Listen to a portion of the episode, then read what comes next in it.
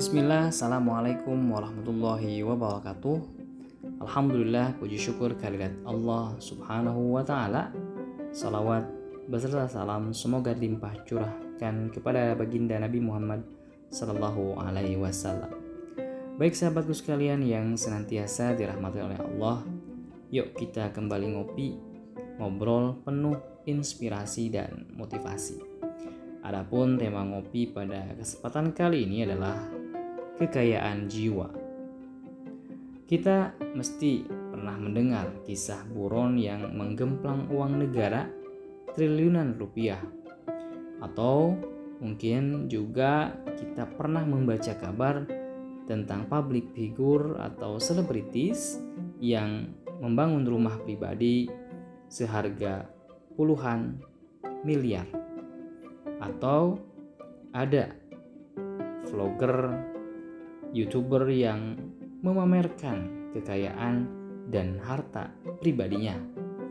Atau ada juga koruptor yang ditangkap dan di garasinya ditemukan belasan mobil mewah yang masing-masing seharga miliaran rupiah. Lalu untuk apa itu semua? Dunia ini semakin direnungkan semakin lucu saja Sebagaimana manusia penghuninya, banyak yang semakin tua semakin kekanak-kanakan. Makin jelas kebenaran firman Rabb bahwa dunia adalah permainan dan tipu daya. Hanyalah kesenangan yang menipu. Sesiapa yang menjadikan dunia sebagai tujuannya, maka resikonya akan tertipu berkali-kali. Baik kita lupakan orang lain, mari bercermin kita barangkali adalah salah satu dari sekian banyak orang yang tak pernah merasa cukup, waktu yang tak cukup, tenaga yang tak cukup, materi yang tak cukup, kekayaan yang tak cukup. Padahal di tengah semua keluhan kita tentang ketidakcukupan itu, Allah tak pernah berhenti mengalirkan nikmat. Nyatanya, hidup kita berjalan baik-baik saja. Kebanyakan orang menganjurkan menjadi kaya. Alasannya karena jihad itu butuh harta yang banyak. Oke, kita tidak menyangkal pentingnya harta bagi seorang muslim. Kita juga membenarkan orang yang berpendapat bahwa miskinnya Rasulullah itu miskin pilihan. Beliau memilih miskin karena kalau sekedar kaya harta beliau pernah merasakannya. Tapi ada baiknya merunut definisi kaya tersebut. Dalam bahasa Arab, kaya adalah ghani, artinya bukan banyak harta, tapi berkecukupan. Jadi, kaya itu bukan banyak sedikitnya nominal deposito, bukan luas sempitnya tanah, bukan mewah tidaknya rumah dan kendaraan, tapi perasaan cukup dengan nikmat yang ada. Di situ intinya. Maka entah seberapa triliun uang yang dimiliki, selama tidak pernah merasa cukup, ia sejatinya miskin Sebaliknya, rezeki yang secukupnya dan merasa cukup dengannya, maka ia adalah orang kaya. Sahabatku sekalian, oleh karena itu, jika ada orang yang tak berhenti memamerkan kekayaan pribadinya, maka kasihanilah ia.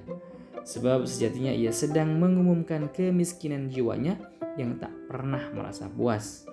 Bahwa ada standar kehidupan yang layak secara umum itu bisa dimaklumi, seperti upah minimal dan sebagainya.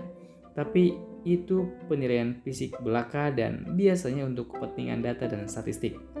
Adapun dalam hati, siapa tahu. Maka layaklah kalau Nabi mengajarkan sebuah doa, Ya Allah, aku berlindung kepadamu dari jiwa yang tak pernah merasa cukup. Mungkin kita masih kesulitan membayangkan pola hidup Nabi Muhammad SAW khususnya dalam hal ma'isyah. Sering kita membaca riwayat tentang bagaimana beliau datang kepada istrinya untuk makan, Lalu istrinya menjawab, tidak ada apa-apa.